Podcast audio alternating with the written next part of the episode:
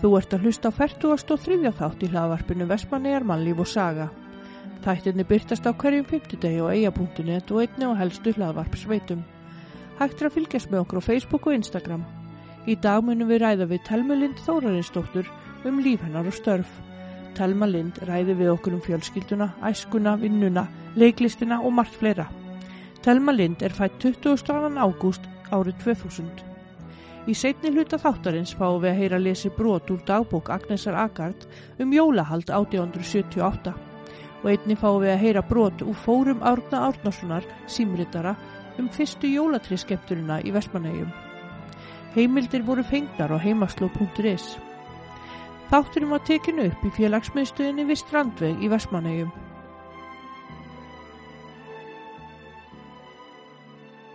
Sæl og blessu Telma Lind Þórarinsdóttir Já, verður sæl. og velkomin í hlaðvarpið. Takk að fyrir. Hvað segir Telma Lind? Herðu, ég segi bara allt gott. Já, Ég res, Já. líka við mig og það er gaman að vera til. já. Og hver er Telma Lind? Það er nú kannski erfitt að segja það. Mm. Ég er nú margt. Ég er leikona og söngkona og ég er uh, sýstir Já. og ég er kona. Já.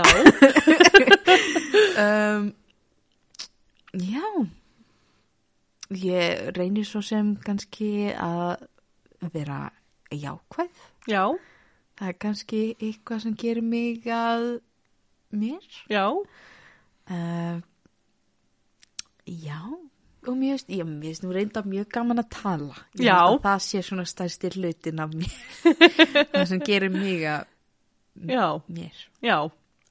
Geggjað. En hverja manna ertu? Herðu, uh, sko, hún uh, Gíða og Hoffelli var nú amma mín og Tóti er pappi minn og Lára Skæring er mamma mín. Já. Uh, og svo náttúrulega ef þið þekki ekki neitt af þessu fólki þá getu þið kannast á hennar Bára Vegbergi eða Já. Skæring Jörgsson eða Sigrun Óskarsdóttir Já, á Ylluðugutinni. já, Þau eru líka skild mér. já. Þannig að ég vona að ég sé búin að reykja upp nóg, svo ykkur fatti hver ég er. En hvernig eru fjölskylduhæðinir? Ertu í sambandi eða ertu á lausu eða? Jú, jú, maður er bara lausu. Já, Hann ennir ekki neina svona en er ekki að standa í þessu. Nei, nei, nei, Nei, nei. maður er margt annað að gera. Já, en það nægu tími. Já, já, Er það já, ekki? já, ekkit stress. En hvernig barn og úlingu varstu? Guð, sko, eins og ég sagði nú áðan að þá var ég svolítil spjallari. Já, Og ég vill eiginlega halda það að sem barn var ég svona alveg nett siðblind, sko. að því að eitt sem ég gerði er hérna, ég, ég var nefnilega svolítið frekja. En Já. allir í kringum mig segja að ég hafi ekki verið frekja, nema náttúrulega Sigrún, sýsti mín. Já. Hún vill alltaf halda þessi frekja. uh, af því að ég var alltaf svo kurtis já, til að ok. fara að byggja um eitthvað Já, þú veist að hérna, en fekk bara allt sem ég vildi og, en að því ég bað svona kurtisislega þá bara, já, ó, æ, hún er svo mikið dúla Já. Leyfðu mér bara það. já, já, hún má alveg fá það. já, ég vissi þetta örgla alveg og hjálp bara áfram þá gæti til ég fór að vera úlingur og þá var þetta ekki alveg eins krúllegt Nei, sko. þannig að þá fór ég nú aðeins að svona andra gemsa staði eins Já. og ég fór náttúrulega í leikfélagið Já. þegar ég var svona, ég held ég verið 11 ára þegar ég var Ok. fyrst með já, og alveg þangað til bara 2019 ok, þá var síðasta verkið mitt þar aðna, það var líki blúndum og blásýru já, þannig að ég held að það hafi líka svolítið bara móta mig sem bann og úlingur sko, að vera þar og, Mm. og sá hópu sem myndaðist síðan með mitt. öll þessi ár sko Já. Og hvað hérna, hver voru svona aðal takmörkið þín í lífinu? Allt. Varstu, varstu búin að ákveða bara allir að vera leikona á? Já, já, já, já Mm. Þetta var bara, þetta er mjög skrítið sko Já, uh, af því að það heiti, heiti vist markmið en ekki takmörk. Jú, jú, ég var að pæla eitthvað, jú, takk Það kom, bara, það kom bara eitthvað eitt stórðaðis út. Já, já, er ég komin í salfræti og hérna til alveg. Þetta ætti að vera markmið fyrir já, gæðu. já, sko, en nefnilega mjög skrítið með sko leiklistina. Mm. Af því ég man ekki eftir mér öðruvísi Já, heldur en að vilja vera leikona Já, ok. bara ég held frá því ég, ég bara hafi lært að tala að þetta Já. hafi verið bara eitthvað sem ég hafi langar rosa mikið til að gera Mm. og þú veist ég man og þú veist Jésús minn það er nú aldeilis kjánalegu hlutinni sem maður gerir þegar maður var krakki og sem mann eh, þegar við- við byggum alltaf út í Nýja Sjölandi Já. Mhm. 15 mánuði þegar ég var 10 ára eða 9-10 ára og þá sem sagt keifti mamma handa mér striga Ok. og málingu Já. og þá málaði ég svona rosalega flotta mynda mér á rauðadreglinum Já, ok. í svona rosalega flottum kjól Já. og ég held að hún hafi nú reyndar hend myndinni svona, svona þegar ég líti aftur og bak það Já. held ég að hún hefur allavega ekki sérst Ok. frá því ég var lana en já það er svona eitt af mínu markmiðum en svo er maður náttúrulega bara alltaf að, að reyna að vera Mm. betri manneskja og, og bara gera það sem mann er fyrir skaman og Einmitt. hugsa vel um sig sko Já. Og hérna, hvernig fannst þér aðlast upp í eigum? Það ég fyrir út í allt aðra sálma. Já, sko, ég, það, mér finnst mjög erfitt að lýsa þessu. Mm. Af því að þetta hefur það sína kosti og galla að Mhm. búa í Vestmannum. Ég minna þetta er rosalega lítið samfélag og þú veist, ég held að við getum svona flest verið sammála um það að það er baktal Mm og það getur verið rosalega algengt. Já. Um, en á sama tíma, þú veist, ég fann það sérstaklega eftir að ég einmitt flutti til Reykjavíkur. Um, hvað, ég fór mikið að tala um Vestmanniar Já, og ok. að ég væri frá Vestmannium Já. og það var svona í fyrsta skipti sem ég áttaði mig að því bara já, ég er bara kannski stolt að ég vera frá Vestmannium og Já. þetta var bara, það er bara fínt að búa þarna Mm. þú veist, um, ég myndi náttúrulega kannski ekki uh, búa hérna eins, þú veist, núna þú Mhm. veist, uh, náttúrulega ekki með börn eða mann, Já, já. þannig að þú veist, og fyrir utan það, þá er náttúrulega ekki rosalega margir hérna atvinnum möguleikar sem leikari í Vestmannum, Nei, mitt. þannig Já. að, að þú veist, en ég hugsa bara í framtíðinni, ef að sá dagur kemur en ég eignast fjölskyldu að þá held ég að ég myndi 100% flytja aftur, sko, Já. og maður á rosalega margar hlýjar minningar hérna Nei, mitt. og bara eins og ég sagði hérna ég var nú að sína náttúrulega myndina mína hérna í gær í Já. bíó, að uh, þeirra það fór alltaf stað að ég var að hérna gera þetta útskrifstamyndir mína úr kvikmyndaskólanum og ég þurfti að fara að auglýsa náttúrulega fyrir uh, fjáröflun Já. og uh, það bara mér línaði alveg rosalega bara um mínar hjartarætur ef svo má til orðst að taka Já. ég kann ekki íslensku að hérna hvað fólk var rosalega um, bara æst í að hjálpa mér Já. og bara hvað það var mikið af fólki sem að ég þekkti bara jafnvel lítið og sem að bara eiginlega ekki neitt Mm. sem að síndi mér stuðning Já. og ég var bara þvílíkt ánað með það og bara gæti ekki verið þakklátari fyrir allt sem að allan þann stuðning sem ég hef fengið Já. Það er svona, þú fundir svona samstöðuna. alveg rúsalega Já. Það er Mjög bara eindislegt. Já. Algjörlega. En hvernig fannst þér að hérna f- þú veist eins og krakkandir í skólanum og svona, þú veist ekki að vera í skóla eða varstu eitthvað eftir á í skóla eitthvað vesen að þér sko já mm, í skólanum hérna Já, mm, sko ég held ég hafi nú bara verið svolítið meðal nefandi já, uh, fyrst þú nefnir samt skóla þá held ég að þetta sé mjög gott tækifæri til að hérna uh, hvað segir maður, leta af mér hérna Já. eh, segja frá leyndamáli sem að ekki mjög margir vissum ok um, hérna, þegar ég var í nýjöndabæk mm.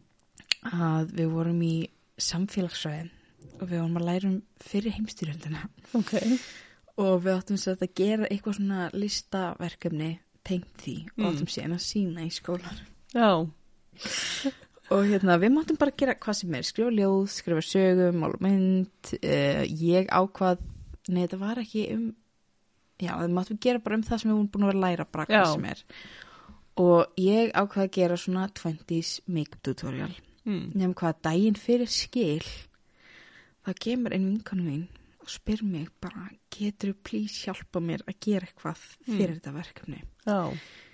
og þú veist ég hún bara ég er ekki með neitt, ég veit ekkert hvað ég á að skrifa um eða hvað ég á að gera Mm. og ég segi bara ok, Mm. ekkert mál þannig að ég skrifa svaka ljóð Ok. um fyrir heimstyrjöldina Já. og hérna kennarin var svo hrifin af því og gaf henni hærri engun heldur en mér og svo var ákkurat hérna ljóða á smásögukefni í gangi og við sendum þetta inn og vorum náttúrulega að bara pissi í okkur hláti að því okkur fannst þetta sjúklega fyndið. Einmitt. Heyrðu, svo vann ljóðið og náttúrulega undir hennar Nafni. Já. en þú veist við innum held í eitthvað bók og eitthvað en Já. það var bara sjúklega fyndið. Haldi allir að, að hún hafi samið þetta fallega ljóðu. Já, ég var bara eh, Guðbjörg Guðmanns, ef þú ert þarna úti þá vil ég byggðast afsökunar Þetta var bara grín Æ En já, þannig að ég var svona svolítið kannski þessi Já. manneskja í grunnskóla Já. Ég var svona meðal, meðal stúdent en Mm. tók þessu nú ekki þú alvarlega sko. Nei. En hjálpsum. Já, mjög hjálpsum Mjög oft hjálpsum Já. Það var svolítið minn svona Já. í skóla En nú getur svona huggaði í hjartanu að þetta hafi gengið svona, verið svona fínt hjá þér. Jú, jú, ég hugsa um þetta dælega, sko, Já. og bara það að kennararnir mínu séu bara lappandu nýri götu og vita ekkert af þessu og Já. halda bara að hún sé ykkur ljóðasnillingur, sko, af því ég man þetta var svo fyndið, þú veist, af því hún las það síðan upp kennaninn í Já. tíma Já. og hún var bara þvílíkt hrifin af þessu Já. og það var bara, við vorum báða bara, eh, Bara, hvað gerir ég? nei, við bara skildum þetta ekki, Nei, sko. mitt. Þú veist, ég skrifum þetta ljóð, eða fyrir ekki, ég Já, já. skrifa þetta ljóð á einum degi. Já. og hún skilaði inn og þú veist það er náttúrulega bara sjúklega fyndið að fylgjast með einhverju manneski tala um eitthvað sem- Já. Þú veist, það sem að mm, ég veit eitthvað sem þú veist ekki Já, einmitt. það er alltaf Ég gerir þetta.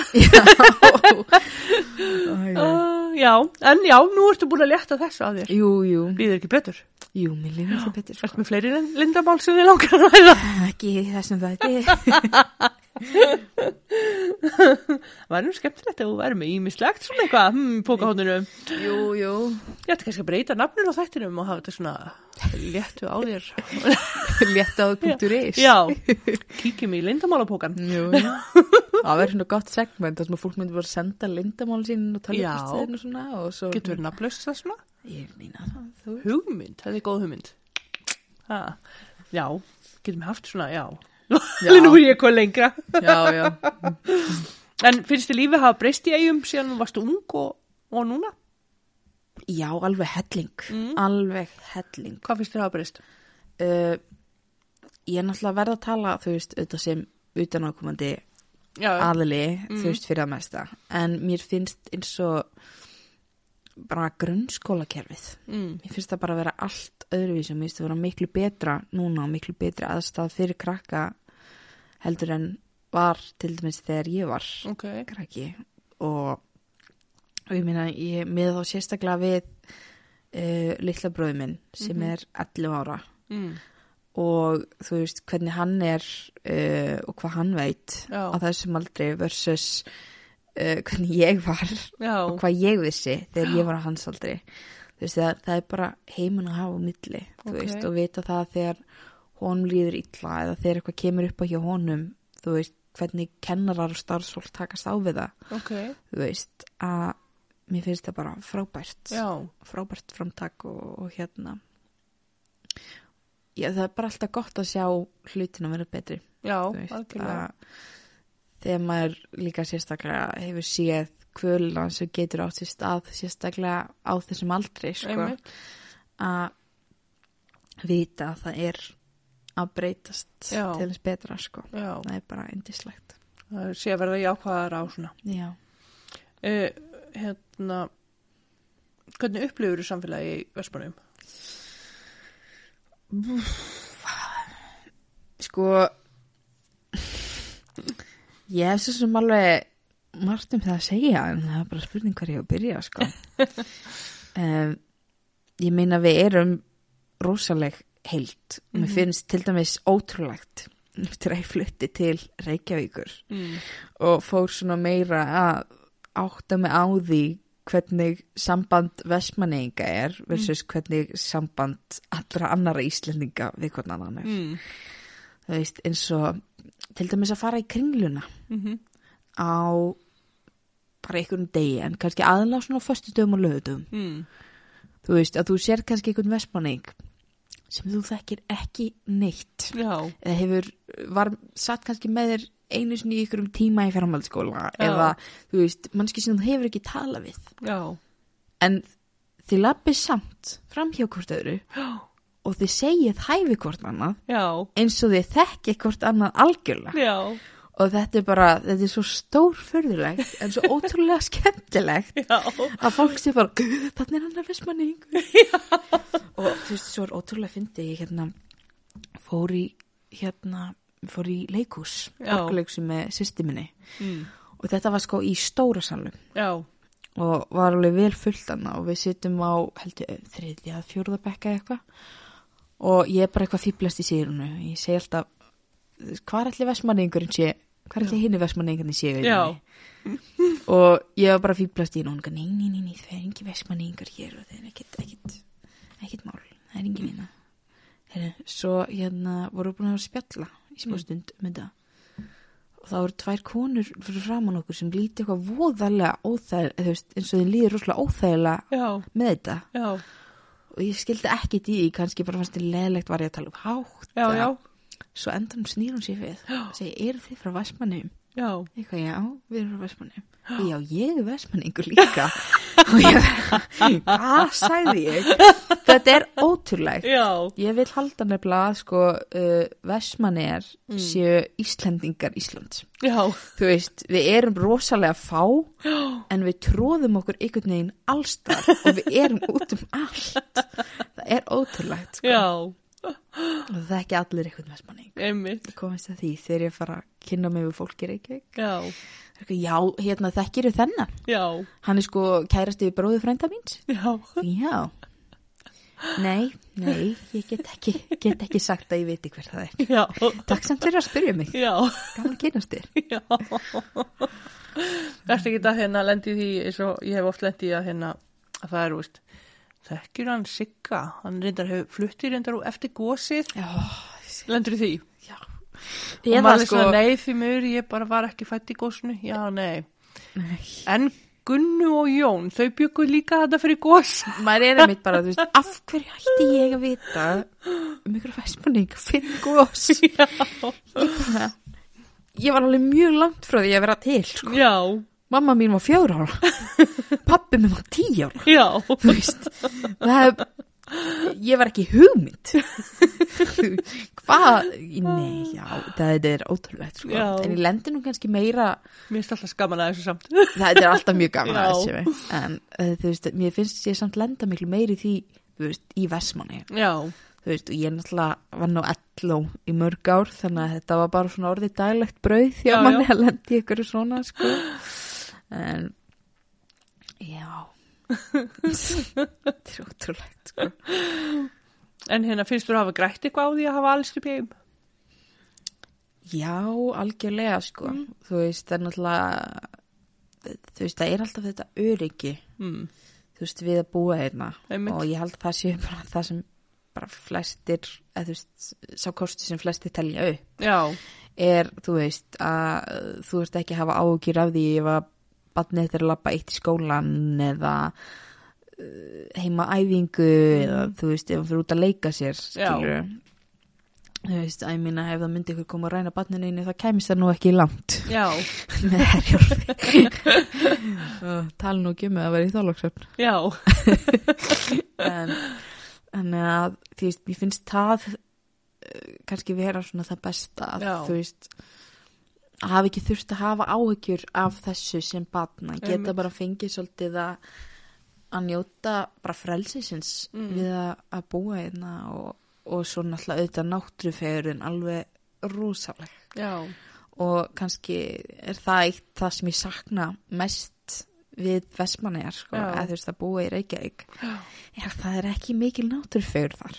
Já, það eru bara bílar og byggingar Já. fyrir þá sem hafa ekki komið til Reykjavíkur en þú veist að geta bara eh, þú veist, keirt fimm mínútur í burt og þú ert bara komin eitthvað út í móa Já. skilur.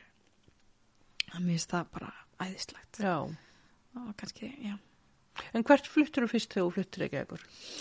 Sko, ég flutti fyrst í Smáran Ok, og bjóð þar í nokkra mánuði. já, Uh, fekk síðan að vita hérna maðurinn sem ég var að leiga hjá var sem sagt að fara aftur í háskólanum og þurfti að nota íbúðuna mína sem verkstæði. já, ok. Þannig að ég þurfti eh, hérna svolítið að flytja í flýti en það Já. voru nú svo sem ekkert eitthvað að stressa sig Já, yfir já. því sem betur fyrir þetta var bara rétt fyrir sumarið og var allt í góðu sko en svo hérna flutti ég eins og ég segi, í breiðaldið í Já. gettóið Já, þannig að hérna og var þar í alveg ár já, og ég bara það var bara svo lítill íbúð og var bara eiginlega of lítill fyrir mig já. Þannig Hvar að- varstu þá í breiðholtinu? Eh, þetta var hérna í selja Já, ok. sem er ekki einu sinni gett en Nei, þú einmitt. það er, eh, já en ég lendi náttúrulega einmitt í því þar að það var maður sem eldi mig upp að íbúðinu minni Mm. það voru sem sagt svona stór uh, bara reisastórt bílstæði við hliðina ég bjó í svona raðhúsi Já, í kjallarnum ok. þetta er mjög skrítið þetta voru held ég þryggja fjögra eða raðhús Já, ok. og svo allstaðar hinum einn í kringum voru bara blokkir Mm. og hérna, já, svo var þetta að reysa bílastæði og ég spurði leigusalmi þá hvort ég mætti leggja í þessi stæði Mm -hmm. og hann sagði að það mætti alveg, ég minna það var engin stæði sem voru merkt eða Já. neitt svo leið, sko en ég sé bara allt í góð nema hvað að hérna uh, það var oft rúslega mikið vesen að ná bílastæði Já, af því að það var þetta var mikið af fólki sem var kannski í svona efri millistjætt og Já. mikið af fólki með bara tvo-þrjá bíla já, og náttúrulega í, þú veist, blokkum og Einmitt. eitthvað, þannig að mikið af fólki á þessu lilla já, svæði já.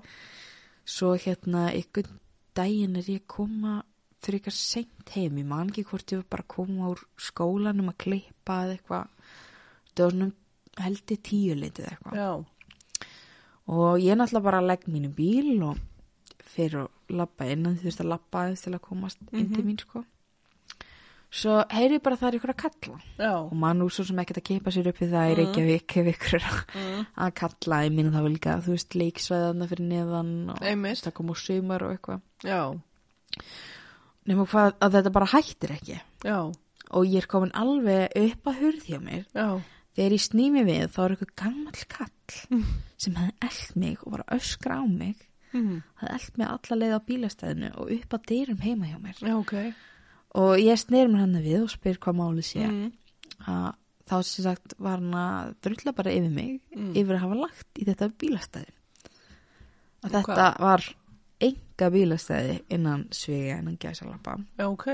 og hérna, Og var það mert sem enga bílastæði það? nei nei, Nei, nei, nei það var ekkert hann var mest bara búin að eigna sér það. hann var bara múin að eigna sér það og ég tók líka eftir sko, ég hérna sá hann nefnilega koma hann Mm. kom á saman tíma og ég Já. þannig ég sá bílinn hans Já, og hérna ég fylgdist alltaf með síðan eftir þetta Já. hann sem sagt var grei kallinn og hann er að leggja alltaf í sama bílarstæðið æjæ. og ég lagði í það bílarstæði Já, því miður það er kannski óskrifur regla í hverfinu. já, það voru mín örlög sko. Já. en hann nefndi ekki til maður að þetta veri bílarstæði hans Nei, nei. en hann nefndi bara að sem sagt blokkin ætti nú þessi bílarstæði Já, og ég ætti að færa bílum minn strax já, það útskýri nú bara fyrir hann um já, félagi minn þannig að ég er bara búin að tala við leigusalaminn og ég má alveg Já. leggja hérna sko já, En hann vildi nú aldeilis minn ekki. Hann kallaði mig eh, ýmsum ljótum nöfnum og leigu sjálf mig líka. ég, Þannig að þetta var skemmtilegt kvöld. já. Og hvernig endaði þetta? Ég fór nú bara inn og ég, Já. held að ég hafi nú bara farið að grenja. Æ, Næ, ég meina, Já. en þú veist, það er bara svona, ég talaði bara við leigusalminn og leta hann vita hvað það gerst og já, hann sagði mér bara að ringi í sig ef þetta gerist aftur. einmitt. Þannig að, ég meina, þetta er bara svona, Já. lífið kemur fyrir mann, maður Já, já. ræður víst ekki hvort að skrýtnir menn eldamann eða ekki, Nei, nei, Það er- algjörlega. voðlega erfitt. Og lettur ykkur fleiri svona lífseinslum í rekkjæginni? Um, kannski ekki alveg eins en ég lendi Nei. nú einu sinni í hérna bílslýsi á Mm. leiðinni til Reykjavík frá Selfossi Já. það var sem sagt hérna Nikolás bekkjabróð minn Já. og hérna var að leika í djöflægin á Selfossi Já. og hérna ein, e, kennarinn okkar, Já. Rúnar Guðbrands hann var einmitt að leikstýra því verki og hérna við ákveðum nokkuð bekkjasískinn að fara og keira Mm. Selfoss og kikja nú að sýningun Já, og svona já. og nema hvað það var bara snjóstormur Já, ok. og þetta er svo að ég og Birta bekkjasýsti mín og Tómas Já, og Birta var að keira já. og hérna við vorum komin bara uh, halva leiði eitthvað þegar að sem sagt mamma hennar ringir í hana og segir Já. henni að hérna það spáir bara stormi og það geti verið ófært í barka og við áttum alltaf að mæta í skólan daginn Já, eftir já. sko og hérna við ákveðum bara upp á flippið bara við förum bara og við verðum þá bara við fáum bara að gista hjá Nikolasi Já, ekki og nei, vesen. nei, nei, nei, nei, þetta reddast Já. þú veist, alveg ekta svona íslenskt hugafar sko. nema svo komumst við þarna og við fórum á sýninguna og það var Já. svo flott og svo var bara hérna fært það var bara allir við opnir Já, ok. og þá var þetta bara allir læg Já, nema hérna uh, svo keirum við bara aftur til Reykjavíkur við erum komin held ég bara í manni hvort við erum stutt að litlu kaffistofunni eða eitthvað já, við erum allan ekki langt frá henni ok. og hérna Birta uh, sem sagt ætlar að er eitthvað fýblast með Já. stýrið Já, ok. og er eitthvað svona Já. það var eitthvað að reyna að vekja liðið Já, grila ekki svona fara fram og tilbaka. Já, nema Já. hvað, svo fer hún óvart Þetta yfir á Já, svo fer hún óvart yfir á heina agrinu og það kemur vörubíl Ó, jésús. og er að koma bara beina leiða og Já. hún ætla bara Einmitt. bara íti stýrinu bara alveg hinn áttir hann sko Já. og við endum bara í snjóskapli og það var bara það mikill snjór að við bara náðum ekki að opna hurðarnar Já, ok. nema sko það sem er mjög fyndið er hérna ég er nú mjög stressun manneskja Já, ég er nú svolítið kvíðin sko já, nema þegar kemur að einhverjum svona alvarlegum já, ok. aðstæðum þá er ég bara sætla róleg bara ég get ekkert gert Já. ég bara reddum þessu þetta Já, er ekkert mál þannig að þetta er í rauninni óþarf kvíði hjá þið þá. Já, ég raun og veru, þetta er, það er ótrúlegt sko, Mm. þannig að ég var hann aftur í, ég bara læðist niður Mm. og þau bara, af því að þau voru hann eitthvað, mann sko byrta vinkunum, ég var alveg mjög fyndið sko, hún var svona hálf grænjandi, hálf Já, bara í hlæjandi og, sjokki, já, og Tómas var bara líka svona, já, ég bara lág aftur í og þetta var svona skemmtilega lífsreynsla sko, Já. að við hittum alls konar skrítið fólk að- á leiðinni sko já, sem við báðum um, það var einmitt einhver hérna, kall með svona mikka mús belti, fullorinn maður ég veit ekki alveg hvað var í gangi þarna en þetta var uh, það var ekki með barnastól í bílnum, en hann var með mikka mús bílbelti, já, ekkert annað mikka mús já, þannig að það var mjög áhugavert en ég held svo sem að það hafi ekki verið neitt annað sem svona nei. mann eftir en alltaf bara Og hvað voru þið dregin úr þessu skapli þá eða?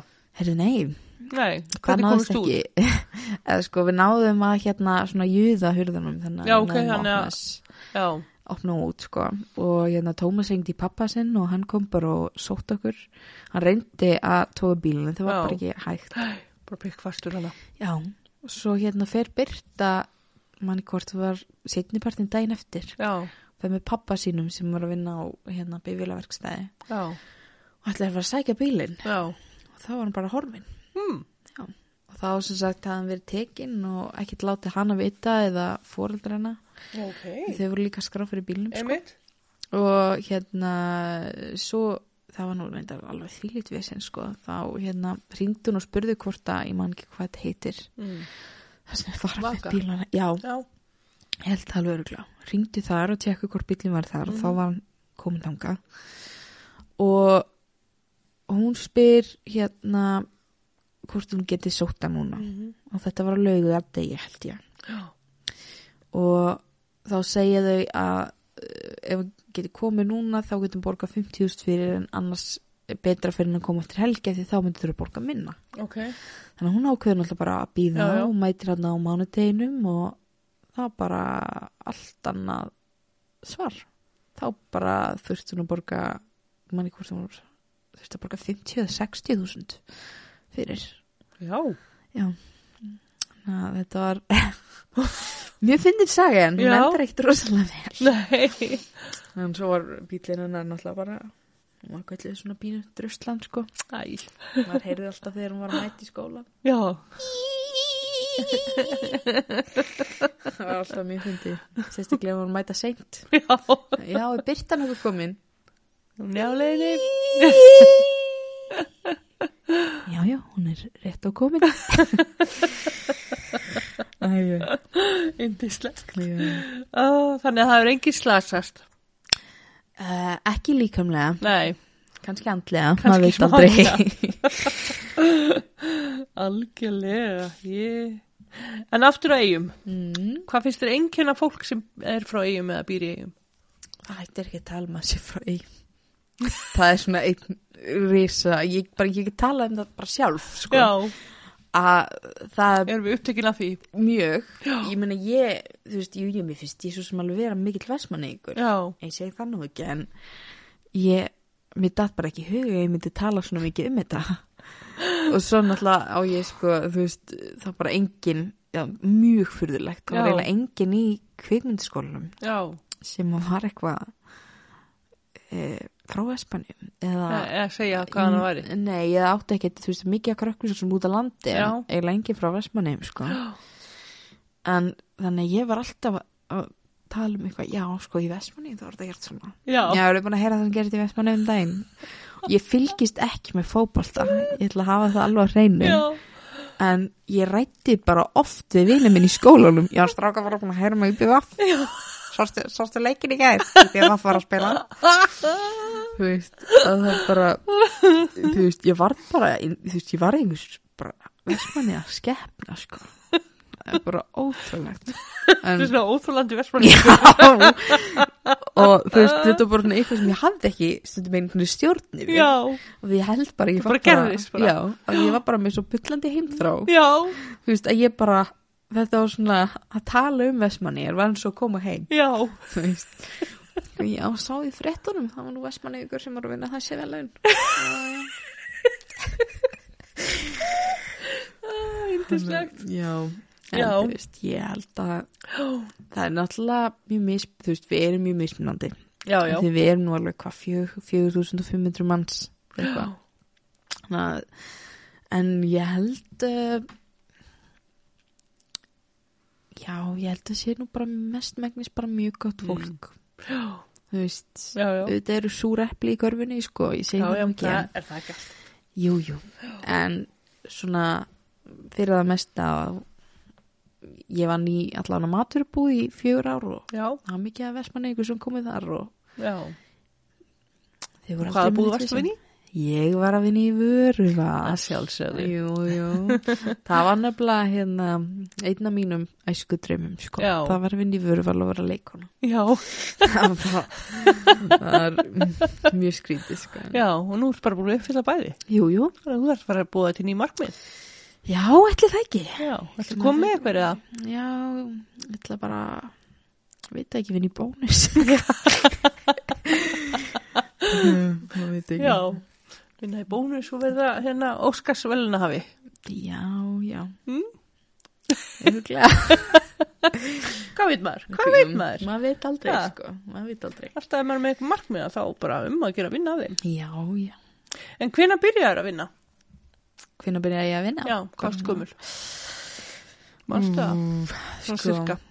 Ég byrjaði náttúrulega að passa þegar ég var svona 12 ára, var Hmm. ekki mjög góð í því, ég var ekki nú þroskuð til að byrja að passa börn, Já, ég hugsi um það daglega það heldur fyrir mig vöku. já, ok. Ok, það var samt, samt ekkert eitthvað svona slæmt, sko, Nei, nei. ég var bara að horfa á myndir allan tíma þegar ég átti að vera að passa, Já. það var bara málið, Já, sko. bara, Uh, en hérna, svo byrjaði ég bara að vinna, ég held ég hef unnið sumar eftir það var í sumavinnunni held ég. mm, Ég var hann að, já, 2014 þá var ég hérna vinn í skólanum og svo fór ég bara beint eftir það vinn í vöruval já, ok. vann þar í fjögur ár Já, og búin að vera með var með alls konar vinnur hérna inn á milli og Já, eftir svona með það og- já, já, já. ég hef unnið á alls konar stöðum sko. já. Eitthvað svona áhugavert? Já, já, já. Eitthvað sem þú vilt nefna? Ég, þú veist, ég man alltaf allt, sko. Nei. Það er, þú veist, ég var náttúrulega að tega kaffi á tímabili, sem var mjög erfitt. Mm. Að hérna, að því að bara út af COVID, sko. Já. Ég lendi einu snýði, það var kona sem heldur sig yfir mig að því að hérna, við máttum ekki vera fram í hérna glerbollum, Mm -hmm. en hún vildi sko fá kaffi sitt í glerbolla Já. og ég þurfti að útskýra fyrir henni að við erum ekki með glerbolla. Já. Voruð Út þið af bara með COVID. pappabóla? Já, við vorum með pappa Já. og ég bauði henni að fá sko endugreitt Já, og ok. allt hún segi bara nei takk og sko þetta er mjög lítil búð ég var að vinna hann á laugaveginum Mhm. og hún var með vinkonu sinni og Já. vinkonuna var ekki með neitt svona vesen hún var bara yndisleg og Já. kurteis og stóð þarna við kassan Já. og var að baktala mig fyrir fram að mig Nei. Jú. og ég náttúrulega gata ekkert annað heldur en að bara hleyja þessu Já, já. af því að þetta er bara fáránlegt Einmitt. skilurðu. ég bara gerði kaffið hennar og ég með þess að bauðinni að skrifa niður fyrir hana hver, hérna kvörtun Já. og fara með til leifumars mín sem henni líkaði ekki Já, já. þjónustan sko. Einmitt. en svo bara endaði þannig ég var nýbúin að gera kaffið hennar og var að fara að setja það á hérna afgriðsluborði Já. og það bara fór hún út Já. þannig að það var eitthvað svo græti fyrir hann kaffipallan hann dag Ég meini. ég man ekki hver það var, hvort það var konan sem voru á eftir henni sem var eitthvað Já. að reyna að hjálpa mér Já. þannig Það- var, eh, já, það var mjög aðtilsvert Algjörlega. og þetta er mjög fyndið með það sko að hérna, það var alltaf eh, maður með bókabúð hann bakvið Já. og hann mætti alltaf með hérna páfagöggi sinn Já, ok. og hann var fastagestur hann og var með eitthvað afslátt og eitthvað mjög, mjög skemmtilegu maður Og hvað, bara lítið pákuka? nei, nei, alveg bara, Bara sagðist restaurant? bara, já, já, var alltaf með bara á öxlinni Já, og- ok. já, já, hann- Sjóningi. Já, eiginlega. Það gaf mér eitthvað tíman hérna að við þurfum að gera Rómi og Júli í skólanum. Já. Ég þurfti að vera með handreitið í vinninni sk- hérna, til að stúdera og læra utan á. Og, Já, ok. og hann hérna gaf mér, uh, sem sagt, ég veit ekki hvort það sé nú upprúnlega en það var allavega íslensk snýðing á, uh, ég man ekki hvort það var Hamlet og Rómi og Júlia uh, frá því 1932 eitthvað svo og svona bara alveg upprunalegt Já. bara, þú veist, upprunalega hérna bókin Já, ok. Þannig að- Geggjað. Já, það er bara, ég þvílíkt sko, ég mælu með að fólk fara að kíkja þannig að það hefur tækið fyrir til Já. því hann er mér rosalega skemmtilegt safnanda bakvið sko. Já, svona alveg bara fjarsjóð. já. já, Já. alveg rosalega sko. Kekja. En hérna, ertu með, finnst þér eitthvað ábútavant í Vespanum? hmm. maður getur náttúrulega alltaf röflað um herjólf sko. það er alltaf sama Hver er þessi herjólur? Vistu, ef ég bara vissi það Það eru nú margir sem myndu Já ekki kannski kýlan en svona sláan utan undir ef hann væri manneskja Já. Nei, ég segi nú bara svona Nei, nei, þú veist, mér finnst náttúrulega Eh, Já, já Það er svo sem ábútavant hér eins og allstar annar staðar Mm. en ég vil trúa því að uh, við séum bara svo virk í okkar samfélagi Mm. uh, og virk í bara samskiptum við hvort annað Já. að einhvern veginn þróun í vestmanni uh, er ekkert mikið að staðna Já, ok. þú veist uh, það er allan að mín reynsla Já. en ég hef svo sem ekki eh, búið neitt mikið af mínum fullorins árum kannski fullorins árum ég er hérna 21 árs hérna að, í Vestmanneum Já. en það er allan að mín reynsla og fólk hefur rosalega sterkar skoðanir Já. og uh, því finnst þér rosalega gaman að tjá sig og Já. það er og það er rosalega ákvæmt Já. og þú veist það eru líka bara alls konar skoðanir sem ég finnst rosalega mikilvægt Einmitt. og rosalega flott að maður verður að sjá allar hliðar á málunum Mhm. Algjörlega. þú veist alveg sama hvað stjórnmálaflokku þú Mhm. gíst eða gíst ekki eða hvar eh, þú ert í þjóðfæleginu Já. þú veist eða hvort þú búir í Vestmanneum eða ekki þú Já. veist. Að það er svona eitt af því sem ég finnst rússalega fallegt Já. við Vestmannegar er hvað við tölum ógeðsla mikið og um okkur sjálf Já. En hérna, svo ég fari nú aftur aðeins tilbaka. Þú ert í svolítið stóru sískinahópið ekki? fíum um, alveg rosalega Já. við erum sko uh, hvort ég séum átta eða nýju við nú þarf ég að telja upp sko það er bara, ég get ekki munna Já, já.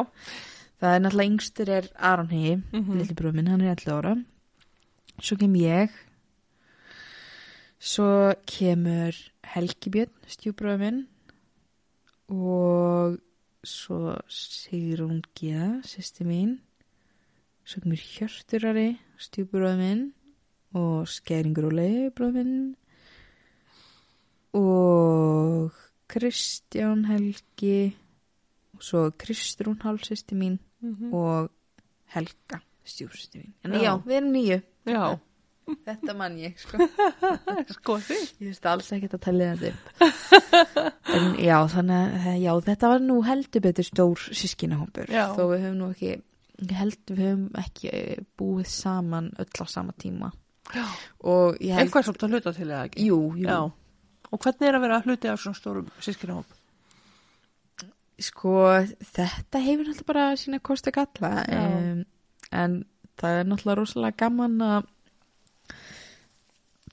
eiga mikið af sískinum Já. þú veist og eh, ég bara, ég veit ég get eiginlega ekki ímynda mér einhvern veginn öðruvísi fjölskyldu Já. um, bara út af því að þú veist ég, ég er bara svo vennis umhverfi ég, Einmitt. ég veit ekki hvað uh, hvernig já, ég bara, ég, ég veit það ekki Já.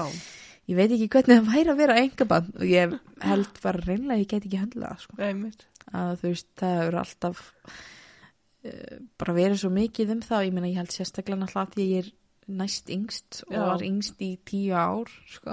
Já. og hérna átt að vera yngst deilu en svo kom hann að litla gerfið og ég leði bara allt fyrir minn Nei, ég segi nú bara svona en en hérna, Tók þið ofan að stallinum? Jú, jú, það er rétt sko en ja, hérna að þú veist, ég man ekkit Nei. þú veist, eftir einu öðru þú veist, þó var kannski öll sískinu mín að þú veist að náttúrulega mamma mín á tvo bræður og Já. þú veist, afi minn á hvað, sjö sískinu Já. og þú veist, það var eh, þegar ég var krakki þá var bara öll fjölskyldar og svo mikið saman þú veist, Einmitt. við fórum alltaf til langöfum minnar á lögutum Skólaveginum, já. Mhm. já, okkur að mm. lögaveginum nei, lögaveginum, laugardeginum Já. eða sunnudeginum og þá voru bara einhvern veginn það var bara alltaf öll fjölskyldan í kaffi Já. og þú veist, það var bara eh, þú veist, þetta var bara Já, geggjað. já, og ég svona eftir á þú veist, þá er bara magnað Já. hvað maður var náinn þessu fólki Einmitt. þú veist, og hvað við vorum öll rosalega náinn ég meina sérstaklega því þau voru ekkert mörg sískin sem fluttu frá Vestmannaugum Já. ég held að það var bara einn bróðir á mér sem flutti Já, ok. þannig að þú veist, þau voru öll hann og, Já.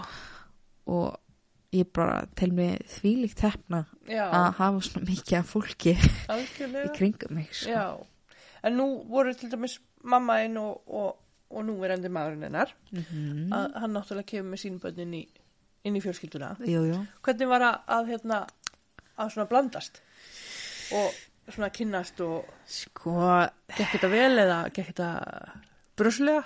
bæði og Já. þú veist, það er náttúrulega alltaf þú veist, bara líka með sískinni almennt, Já, já. það er alltaf pínu svona, Ríkur og já, já, ég meina svo ég held samt að, sko, ég hef átt að verst með Sigrungiðu, sko, já, allt sýstu mína já, það var bara, þú veist hún mann og aðeins öðruvísi eftir þessu heldur en ég, sko en ég man bara, mér fannst hún hata mig, sko já, og mér fannst þú bara að vera ógislega leiðileg við mig og að ég henni finnst ég bara að vera eitthvað krakka skítur já, og langaði bara ekkit að hafa mig já, en svo var hérna þú veist, ég man ekkit eftir neinu slæmi þú veist, ég man skæringur Óli var alltaf mjög næs og Hjörturari og Kristján og bara alls sískinni mín sko nema Helgibjörn, þú veist, við Já. hérna, ég, Sigrun G. og Helgibjörn er náttúrulega alltaf mér svona svipiðum aldrei Já, og hérna nema ég man Helgibjörn var svona næst í mér, hann er fættur heldur 96 já. og Hvenær er Sigrungi að fætt? 94 Já, ok. þannig að hérna ég man, hún fannst rosalega gaman að streða mér sko. Já, og ég man til þess eitt tiltekið atvika þá var hérna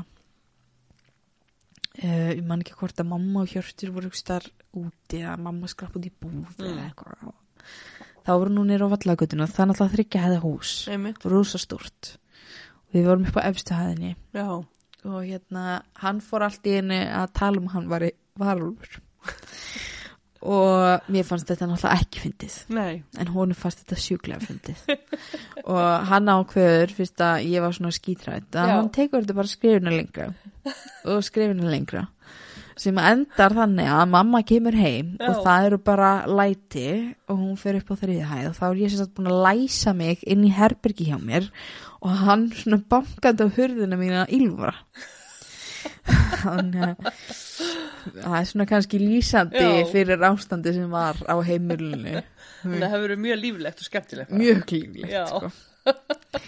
og ég bara mjög fyndið að segja frá því að ég ég held að við höfum aldrei öll sískinin Mm. stjúpsískinni, hálfsískinni Mhm. og allsískinni verið í sama herbergi á sama tíma Já, ok. bara nokkuð tíma Já, meiri sé held ég þegar sko mamma og hjörtu giftu sig þá- já, þá er ég ekki viss hvort við hafa vel verið annars sko.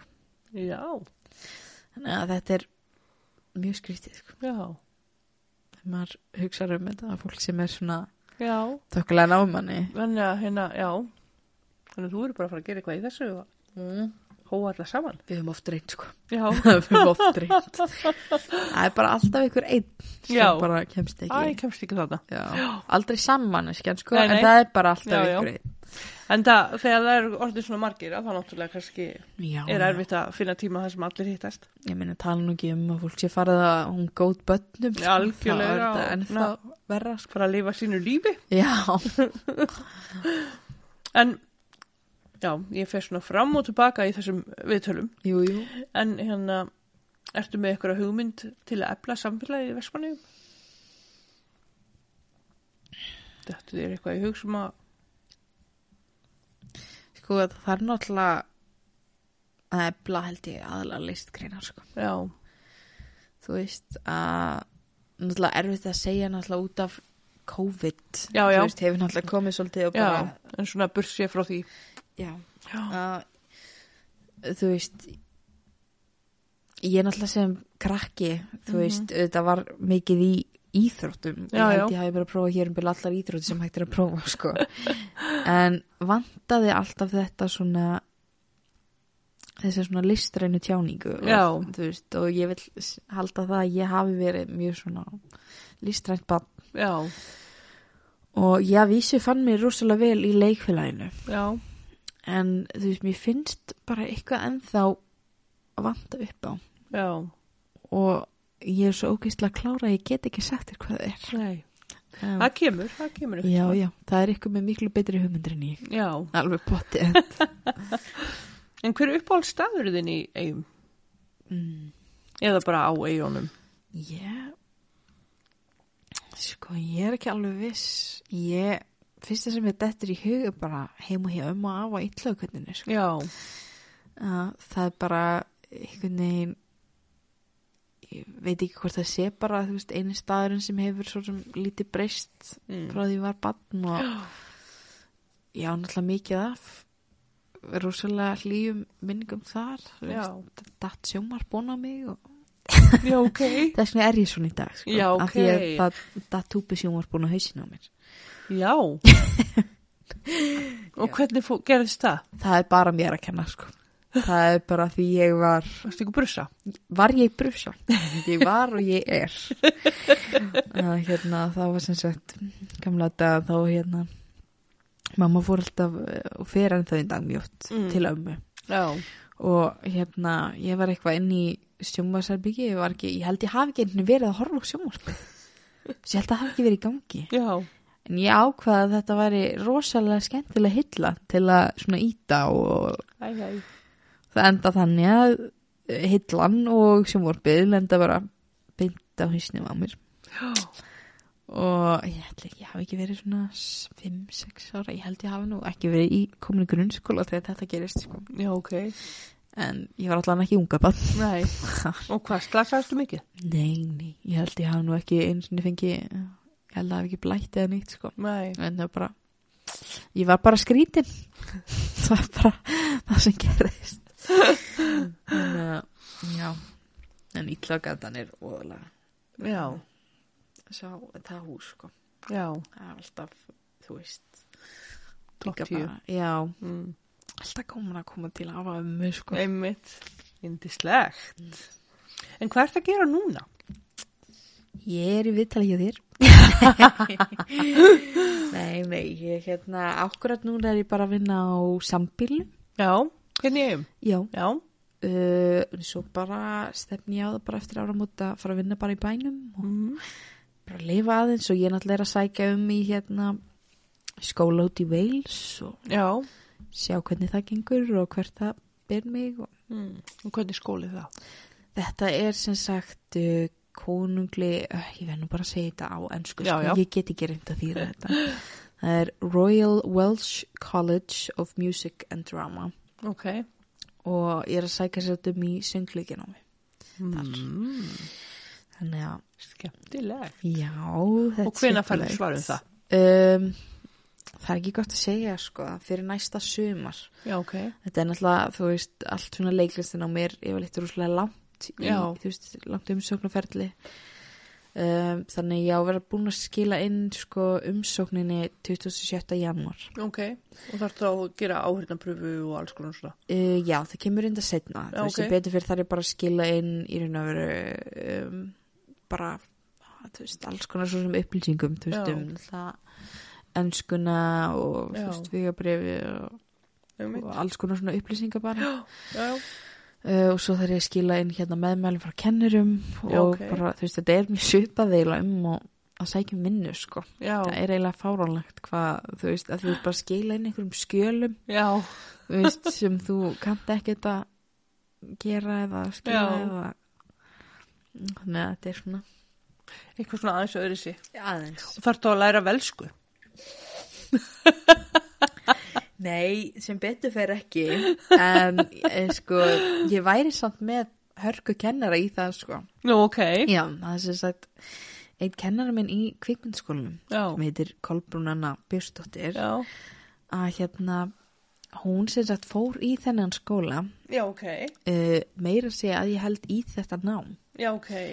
og hún séu hvati mig áfram Já. til þess að fara og hún er svona að hjálpa mér með þessa umsókn og er að fara að hjálpa mér með hér kemur að áhyrnapröfni Já. og, og því öllu sko Já. þannig að- að hún kann velsku sko Já. þannig að Já, ok. Magna. já, En fórstu, þú fórst í hérna kvikmyndaskólan? jú, Sóttur um í, í, í hérna hinskólan líka? nei Nei. uh, ég bara var búin að lesa mér aðeins til um það á netinu og bara í því augnableiki þá leist mér einhvern veginn ekki á allá í Já. Mér fannst það bara ekki vera Já, það var ekki að heitla mig allan Já. þá, þú veist, ég hugsa í dag eftir Mhm. að hafa farið í kvikmyndskólan og svo náttúrulega er uh, Nikolás vinur minn sem byrjaði með mér og var eitt ár í skólan með mér Já. Eh, hann er núna komin í allá í og var Ok. að byrja og var að klára fyrstu önnina sína Ok. þannig að, ég, þú veist, í dag held ég mynd nú alveg prófa að sækja um Og er þetta, úst, er tíma hérna sviðið sama? Úst, er þetta tvö ár eða er þetta lengra í allá í? Eh, Þetta er lengra í allu í. Náttúrulega kvikmyndaskóli er ennþá búin að vera að vissinast við að fá sem sagt eh, að sem sagt nefndu fái í raun og veru BA gráðu í staðan fyrir uh, diplómi eins og færð og eru búin að vera að brasa í því að hérna sem sagt fara í samstarf með Háskóla Íslands og Já. það myndi sem sagt bætast bara við eitt ár Já. og svo sem líka í samstarfi við aðra skóla, ég veit að það var eitthvað inn í spilinu líka Já. og þá myndir raun og veru eh, held ég flestir útskrifast sem kvikmyndafræðingar Mm. nema held ég leiklistin Mm. en það var einmitt það sem að þessir aðri skólar ykkurir koma Já. inn ég veit samt ekki hvað skólar það eru Nei, mitt. um, en svo náttúrulega er kvikmyndskólin að setja upp rosalega flott prógram þar sem þeir eru að reyna að komast í samstarf með RÚF og Stötu og Mhm. Sjómarp Símons held ég eða Já, ok. kvikmynda Að Kvikmyndamiðstöð. gera það okkur að þætti eða... eh, Já, bara að- að þannig að fólk eh, sem er að útskrifast úr skólanum Já. fá bara strax í Já, vinnu fá, já, fá ykkur að svona tækifæri. Já, Já, til að reyna að koma sér inn já, nei, mitt. Þannig að Er erfitt að koma sér inn í flóruna? Um, sko, já og nei Mm þetta er náttúrulega þú veist, þetta getur verið rosalega erfitt þú veist, fyrir fólk sem er kannski introvert Já, af því að, þú veist, það er ótrúlega mikilvægt í þessum skóla að hafa samskipti við fólk og það hefur sýnt sig í fortíðinni Mhm. að eh, af því að það gera náttúrulega allir útskriftamynd Já, já. bara á síðstöðunni sinni og það er svona Einmitt. aðalverkefni að þeir sem að hafa ekki verið að eiga mikið samskipti við annan fólk Já. og eru ekki búin að vera að blanda geði mm e, þeir eiga rosalega erfitt með að fá fólk í lið með sér já, e, þannig að og erfiðara heldur en já. flestin aðrir sko um, en þetta getur verið rosalega erfitt en þú veist svo samt sem áður þú veist ég þekki fullt af fólki sem að þú veist ég myndi alveg eh, telja að vera introvert en gefur samt rosalega mikið af sér Já, þú veist já, já. þú veist ekki að endilega að eh, spjalla rosalega mikið skilur að, þannig að ég bara ég held þú þurfi bara að hafa rosalega mikið áhuga á Já. kvikmyndagerð og þessum heim og bara don't be a dick það er bara þú veist, Já, góð hugmyndafræði að lifa með sko, já, að vera ekki asni já. En eins og myndin sem þú mást að búa til, mm uh, býr þarna til alveg frá grunni eða? uh, já, Og skrifa þú handritið? Ég skrifaði, já, sko uh, Ég hérna, við fórum að því að þú veist það er rosalega mikið undirbúning, Mhm. undirbúningsvinna fyrir þetta og Algjörlega. það bara byrjar í raun og veru frá bara fyrstu vikunni á uh, fjórðun sem er Mm. Já. síðastöðunin og þá förum við í bara sér svona handritstíma Já, ok. af því við erum alltaf leiklistanemar og kunnum ekki neitt Já, þannig að við þurfum að læra allt sem Erum bara búin að að hinir- vera eitthvað að leika ykkur. já, við erum bara búin að leika okkur og hérna eh, við þurfum sem sagt að fá handrýttstíma þar sem að við förum yfir uh, hugmyndir Mm. og byrjum að skrifa fyrsta draft og fáum sér að punkta já, og svo förum við í hérna ennannan áfanga sem er hérna í raun og veru bara loka verkefnis áfangin Já. og sem sagt alla deildinnar fá um, sem sagt uh, leiðbyrnanda Já, ok. mismunandi uh, ég veit að uh, Ólafur Flur var hérna fyrir tæknideild já, og Jörundur Ragnarsson var að hjálpa okkur sem vorum að leiklist já, ok. og hérna það var sem sagt þannig að hann fór líka þá yfir handrið okkar og var Já. að gefa okkur punkta og ég var held ég svona ein í hópnum sem að uh, skrifaði mjög mikið eða þú veist ég held ég hefði skrifað meiri hlutan af handritinu Já, ok. en svo fór ég náttúrulega bara í samstarf með uh, leikstjörnum mínum Elinu Já, og við vorum líka svolítið þá, þú veist, hún kom svolítið mikið inn í ferlið og hún ætlar að útskrifa handréttadilt já, í ok. skólanum, sko Já, og hérna hjálpumst rosalega mikið uh, hjálpumst rosalega mikið við að skrifa saman já, þannig að svona loka handréttið eins og það endaði, Mhm. ég held ég hafi átt svona 70% kannski mm. þú veist, kannski minna þú veist, Já, já. að því mann og ekki Já, já. alveg allt Nei, nei, sem að skrifa en, algjörlega. en þú veist, það var náttúrulega í lókin handritið okkar Já, já, skilurðu, algjörlega. þú veist, þannig að Og er þetta unni þá, þú veist, með, ég er svo forvitin, jú, jú. er þetta þá unni með, þú veist, krökkum sem eru þá á uh, kvíkmyndatökubrautinni Mm.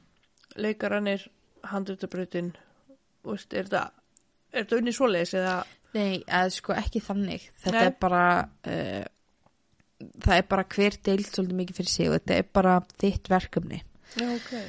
þannig að þú, og þú í þarfst þá raun og að veru- vinna, finna kvikmyndutökumann, já, þú þarft að finna allt. leikstjóra já, og allt í raun og já, veru. Það er náttúrulega það sem er fyrst fyrsta meðleikendur skrefið og allt já, þetta fyrsta Já, ok. skrif í þessu ferlirun og veru er að finna framleiðanda Já, af því að svo í kjölfara því þú veist, náttúrulega er mismunandi hvaða samkomulag hver er Mhm. með við sinn framleiðanda já, þú veist, sumir vilja ekkert koma nálagt framleiðslunni Já, ok. uh, sumir vilja meðframleiða myndina Já. sína uh, og það er bara alls konar þú veist, ég var uh, alveg með svona í fyrstu og var eitthvað að uh, hjálpa til já, ekki mikið samt þú veist, ég náttúrulega var svolítið gagslaus þetta sko já, já, en uh, svo bara á okkur um tímapunkti Mm. þá bara uh, ákvaðum við að hérna innbytja okkur á leiknum já, og þá var ég bara alveg þú veist, þá var ég ekki Já. mæt á fundi og já, þú veist, þá voru þær bara alfarið að sjá um það já, þá var ég sjáum bara, það dild. já, þannig Þannig að það þetta er hörku vinna. já, þetta er rosa vinna sko. Já. þetta er, Og eru allir að ná að klára þetta? uh, nei Nei, úrslega því að þetta er náttúrulega bara brjálu vinna og þú þarft fjármagn og já, sko, rýmislegt. já, reyndar náttúrulega sko, skólin hérna uh, sem þeir eru þetta á fyrstun Já, uh, það borgar, þetta er náttúrulega rosalega dísnám já, já.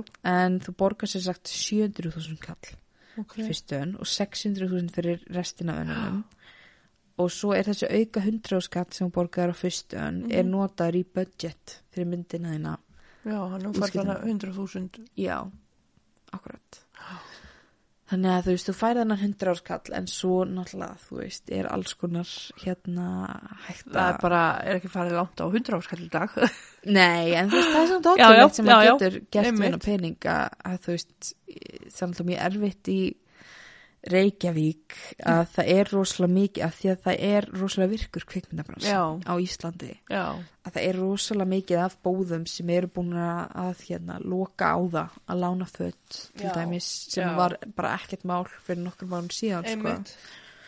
að hérna og mikið af eh, bara húsnæðum sem að vilja ekki lána kvikmynda fólki, ég mæli samt endrei með ef við fáið eitthvað kvikmynda fólk að leifa um að taka upp heimi hjá okkur Já. Þú veist, af því að það er svakalega skortur Já, á bara tökustöðum Húsnæði og- já. og það er heldur til þess einn ástæða þú veist, nema og sért náttúrulega Baltasar Kormákur sko. já, já, það er... þú veist, Það er öðru sér þegar þú komið með samböndinu og allt sko. það er allt annað En að koma sér inn í ennan geira er bara svolítið erfiðklinlega.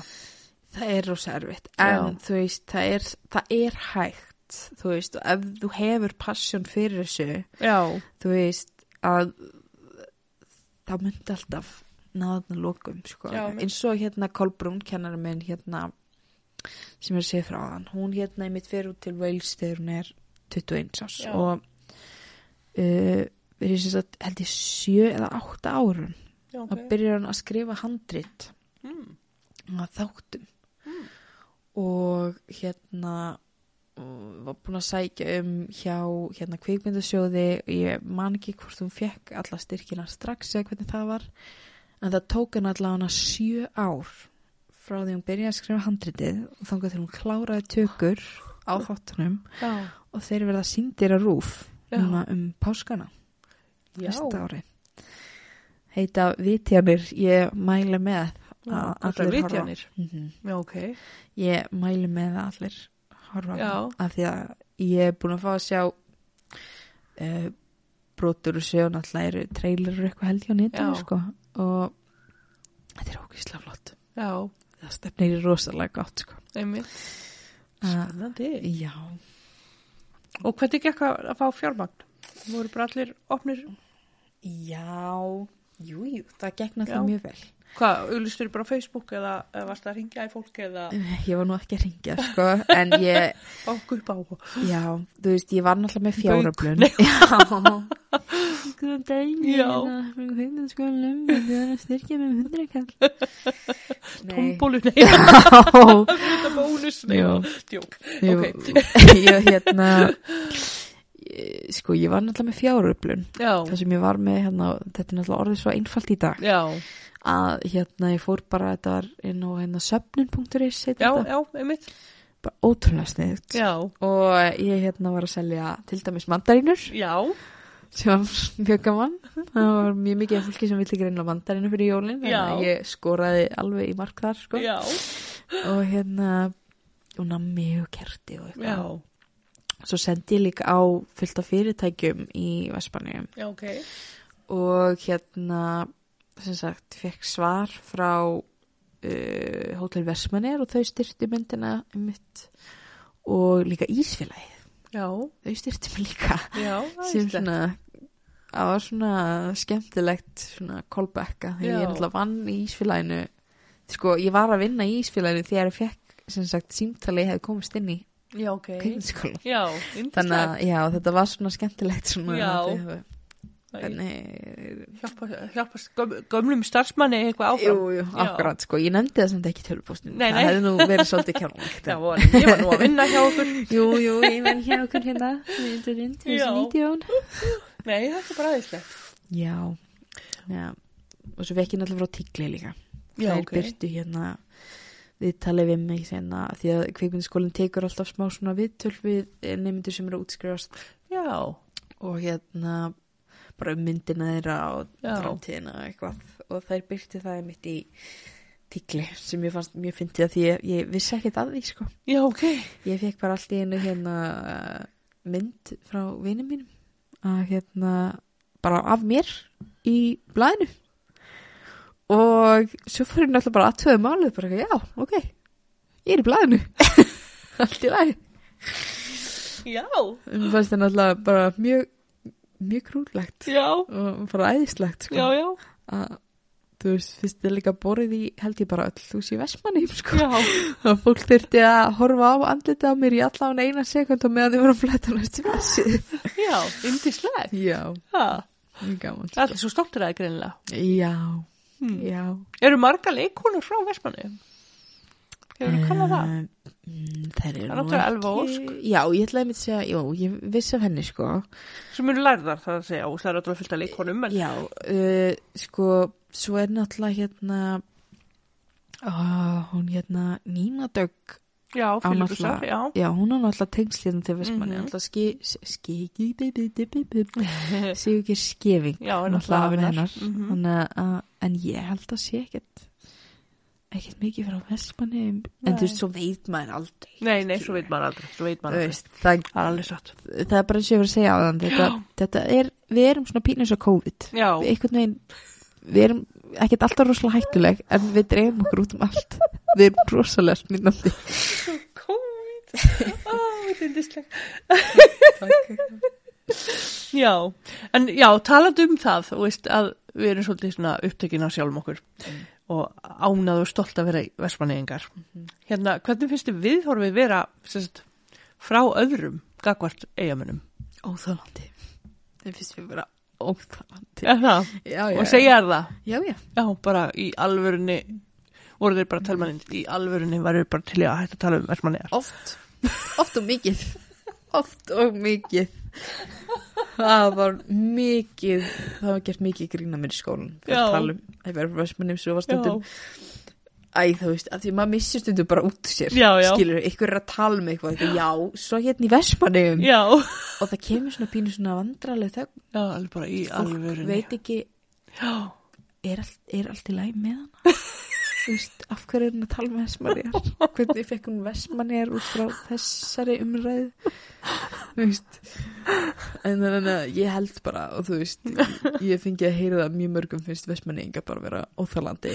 Og náttúrulega við sjáum það líka bara í fjölmiðlum. Já. Við fáum oft rosalega leiðilega umfjöllum. já, já, Þú veist, það er bara einhver, einn versmanningur gerir eitthvað hræðilegt. Og það er bara allt í einu allir versmanningar hræðilegir. já, Þú veist. já, já. Já. Og þarf ekki einu sinni að vera versmanningu sem gerir þessu Nei. ræðilega þá bara. Ég er bara, þú veist, Já, já. þannig að bara- fólk bara hatar okkur stundum, ekki alltaf en þú Nei. veist, fólk En elskar, svo fær maður nú alveg að heyra líka hvað við erum skemmtilega. já, já já, já, við fáum alveg að heyra það sko á þjóðatíð og ég held að það sé svona einu tíma ársins það sem ég fæ að njóta mín sem vestmanni Já, já, ég er sko með kvíttjald ég ég ert alveg þar. Já, ég er mjög mikið að monta með að því sko, mér finnst það æðislegt að vera með kvíttjald Já, og hérna að gista ekki í tjaldi já, ég hata að gista í tjaldi mér finnst það mjög leðalegt já, að geta lappa heim til mín og sofa í Já. mínu einrúmi mér finnst það mér finnst það mjög gott já. Mér langaði alltaf einmitt að, að taka þennan part þegar ég var ung sko að að vera aðkomumaður á þjóðtíð. Já, mér fannst bara fínt að vera það ekki. ég var bara alveg sátt með mitt, sko, Já. og er... Ah, Mér að- langaði að prófa, uh, ég held að hafi bara verið forvinni í mér að, að skoða úsmannlítali skilur að, Já, að hérna, þetta er að fá að náttúrulega, já. sjá hvernig hýlfiðin er já ég, sem hef, aðkomaður.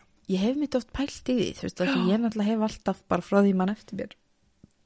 Höfum verið með kvíttjald, Já, þú veist, og bara þó að við hefum ekki verið bara fjölskyldan, þú veist, en Mhm. þá bara var alltaf einhver í fjölskyldinu sem var alltaf, ok, við förum með allt og okkar í þetta já, tjald og þetta er bara heimatjaldið okkar. já, þannig að ég á einhvern veginn rúslega erfitt með að ímynda með þetta já, að vera, þú veist, ekki. hvað partur af þessu. gerir Já, þú veist, Já. þegar þú ertu bara með bara alla, allt áfengið þetta bara í bakbókanum já, mitt, í brekkunni já, og, já, eða þú veist, lappar alltaf leiða tjaldinniðinu á gulvöllinum til að sækja það já, Get, þetta er bara óhendugt sko.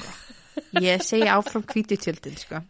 fólk getur bara að gista þar eins og að gera í gamla daga já, eins og í hann á stuðmannamyndinni með allt á hreinu, Já, já. ekki stuði nú í hvítu tjöldin fyrir kýrkjaldur. Já, já, en það var, já, það var gert sundum í, í gamla daga, sko.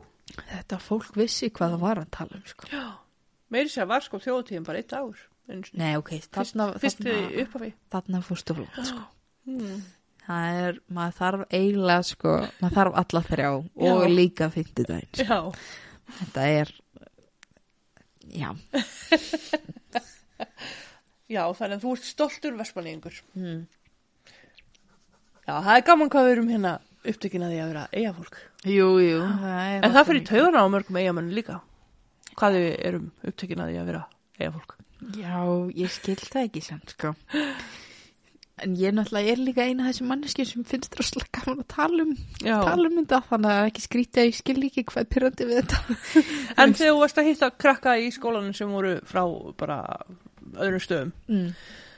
að land- af landsbyðinni. Mm. Var það að nefna það að það væri hérna eða þaðan eða? Nei. Og ekki tala Bara um? eiginlega aldrei sko Já, ok. það var, þú veist, jú, jú, það var náttúrulega, þú veist, talaði um ef það var eitthvað sem að gerðist í, af því að þetta var og er mikið að krökkum sem að fluttu af landsbyðinni Já, í skólan, sko, já, mitt. mjög mikið Já, ég held meira að segja að ég sé nú ekki að íkja þegar það er virkulega bara meiri hluti nefndi í skólanum, eru af landsbyðinni, sko já. Og þau voru ekkert ekki bara, já, ég er hérna frá bara, hvað er að koma, reyðarfyrði eða eitthvað. Nei, nei, Nei. nei, nei, þau eru og já. ekkert eins og þú bara eina já á reyðarfyrði þá var Nei, alls ekki sko Nei, nei, þeir, það er nú svo sem kannski það er mjög skrítið samt, sko, að þegar að það kemur upp þá er það e- yfirleitt að það er eitthvað pólitíst skandal já, sem að gerist, ég ætla Já. nú ekki að nefna neinn Nei, nei. atvik, við viljum ekki ræri í súpunni sko nei nei en hérna, já, það er heila einu tilfellin þegar það er verið eitthvað að ræða já, þú veist, og náttúrulega fólk segir alveg já, þegar ég var heima þá gerist þetta já, já, já, já. þegar ég bjóð þarna þá gerist þetta Mm. en það var mjög, mjög það var alveg langt eftir að ég flutti til Reykjavíkur að hérna þangar til ég fór að kalla Reykjavík heimilveit já, og þess alltaf heima í eigum já og svo erum við með, þú veist, það er eitthvað svona sk- það var mjög mikið hleyið að mér, það var bara eins og ég væri, þú veist, færi einhverju Danmarku eða eitthvað, sko að hérna, þú veist, þessi litlu svona hvað segir maður, orðatiltæki eða, mm. þú veist, sem við erum með ekki orðatiltæki Já. en svona ég vil beðast innlega afsökunar fyrir íslensku kennarar minn og mömmu minnar fyrir uh, þetta en hérna, sem svo að fara söður já, og fara upp á land einmitt þegar ég var að tala um það já, fólk bara vissi ekkert hvað ég var að tala um já, þú veist, og skildi þetta ekki, svo var eitthvað eitt í viðbútt, ég bara get ekki menna hvað. og við erum í rauninni sko að fara norðvestur eiginlega sko Já, við erum að fara norðvestur. eða vestur, við erum ekki að fara suður þannig að það er mjög fyndið, Já, og mjög fyndið. Ég veit ekki einnig hvað, þú veist, Nei. hvað það kom. nei, algjörlega Þú veist, hvað, hver var í Vestmannum og, einmitt, ég veit ekki, ykkur hefur hort að landa hvort auðvögt eða eitthvað, já, eitthvað svo leiðis. það hefur verið eitthvað Já. ekki vita áttinnar, Nei. en ertu prakkari Ég myndi ekki segja að ég væri mikill prakkari. nei, Ég er, og ég hata prakkarastrygg, ekki hata, mér finnst nú alveg gaman að fýbla sem mér lilla bróðum mínum já, já, og fara í rópukefni og svona með honum, það er alltaf mjög gaman þetta er svo skemmtilegur aldur sko Já. ég, elsk, ég elska krakkar þar já mér finnst krakkar æðisleir Já. af því þau eru bara svo þau eru bara eins og þau eru mm -hmm. þú veist, og þau eru ekkert að leifa ykkur, þú veist, jú, þetta faraðu grænja að rífast og skrá Já, já. og alls konar svona. já, já, En þau leifa svona almennt umhverfin sín ekkert endilega að trubla sig, sko. já, Og hérna, mér finnst það, en ég, annars hata ég prakkarstrygg. Mm.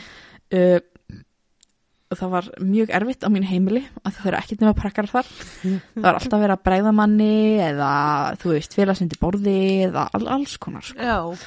En já, ég er ekki mikill prakkar. og Þannig að þú tókst ekki tótt í því. Nei, nei, Nei. ég lendi mitt eins og nýði að hérna, það var ringt í mig gegnum hérna appið, þannig Já. að að ég hefur ekki, lent- hefur lendið í því Þetta er nýja það. já, það Já. sem við, þú veist, þú veist bara með Að vera að segja já. eitthvað lögreglan, eitthvað, eitthvað, Já. eitthvað, já. og ég hérna var búin, það var búin að vera mjög erfið dagur, Já, mjög erfiður og svo fæ ég hérna símtal að það sé ykkur indesku maður að- eða ekki, ekki indesku maður, ég veit ekki, ekki um það en að þess að það var að ringja í mig ykkur erlendumaður Já. frá hérna indeskum veitingastað mm. og var að segja mér að ég væri sko með pöntun og okkur ég væri ekki múin að sækja hana og allt væri í ruggli og bara alls konar svona og ég Já. bara ég endaði að blokka þetta símanúmer svo komst ég að því þegar ég kem til eiga já, kem mamma mín á að vera ríkið þig okay. já, það var mjög reyðið maður sem ringdi mig já, já, já, það var Hilmar ekki frændiðinn, við vorum í tíma við vorum aðeins að Það er að brella Já, Ég var ekki mjög ánægð Ég var, uh, ég var, ég hló ekki af þessu sko. nei, Ég er Ekki ekki, mikið, nei, nei, nei, nei, nei Ég er ekki mikið fyrir það Ég er nú skár en ég var, sko já, Ótrúlegt en þú veist satt það svona alvörgifin eða, Sko, já, nei, mér finnst alveg gaman að hafa gaman já, Og hérna eins og ég bara sagði- ekki svona, Nei, ég er ekki í þessum pakka, Nei. sko En, jú, það jú getur verið svolítið erfitt í þinni fjölskyldu. Það er mjög erfitt Ertu Það þá ekki er- oft skotbarkið? Jú, ég er ekki að mikið skotmarki og ég var, sko Nei, en hérna ég man nú, jú, ég var nú kannski svolítið brakkari þegar ég var krakki, en ekki ég meint aldrei illa, nei, þú veist eins og einn skemmtileg saga sem að það verður, henni verður aldrei glimt sko, að hérna þá sem sagt var ég held í fyrsta bekk já, og ég kom heim og var enginn heima og ég fór eitthvað inn í herbyggið til systuminar Mm. ég held að ég hafi farið að segja örugglega bara eitthvað dóti eitthvað mm. og mér fannst herbyggi hennar bara ekki verið nóg fallegt þannig að ég tók vassliti og túspenna og hérna vaksliti og ég bara teiknaði rúslega fallega myndir á alla vekkina og á spiklana og á kommóðuna og skápin og mikið fjör sko og sérstaklega þegar sýsti mín og mamma mín koma heima ég held ég hafi aldrei á æfi minni verið jafn, sk mikið skömmuð og þegar þetta var sko svo var ég mikill svona frumkvöld Þú veist, Já. ég elska að vera og með spara listræn. ég var mjög listræn sko og mér fannst líka vanda eitthvað svona og að mitt aftur á þessum áhuga á leiklistinni sko að ég ákvað ykkur tíman að halda leiklistin á skeið heima hjá mér Já, og létt mömmu mínu bara ekkert vita og Já. skilja með þessu svona fína skráningalista og svo held ég að það hafi bara fullt, fullt af fólki skráð sig sko.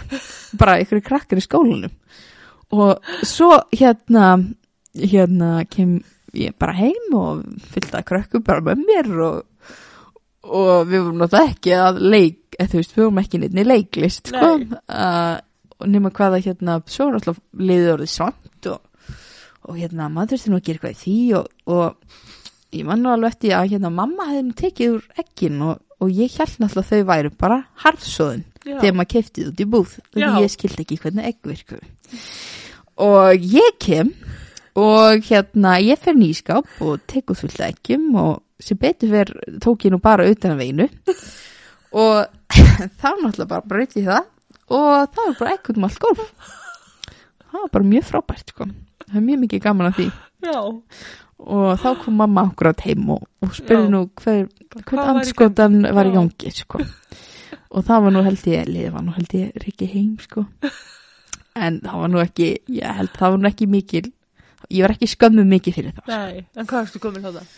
Ég var örugglega bara svona það var nú áðurinn fór til nýja sjálfans þannig að ég verið verið svona Níu ára, 8-9 átta, ára níu. já, Já, verið eitthvað svo leis skemmtileg beinu leiklistaránski Já, já, allir bara, það fram á erminni, erminni bara bara gönguhópur bara úr hamaskólanum Já, og já. einn tímin á vallagutina og bara marsirað inn og bara gaman sko, já, bara fjör en uh, já, Ó, skemmtileg já, það já, er nú gaman að svona í dag já mjög gaman að þessu Æj, æj, æj.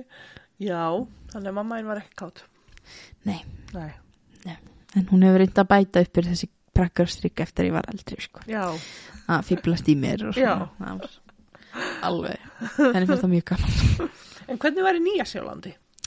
það var mjög gaman Mm. og ég held bara, þú veist náttúrulega fyrir utan þessi ár í kvikmyndaskólanum sko, að þetta var bara örgulega bara eitt besta ár lífs mín sko. já, að þú veist, það var bara uh, stemningin þarna, þú veist, það voru þú veist, mið, miða við Ísland mm að það var bara enginn að hafa neinar áhyggjur já ok. Þú veist, Allir og- bara svona slakir.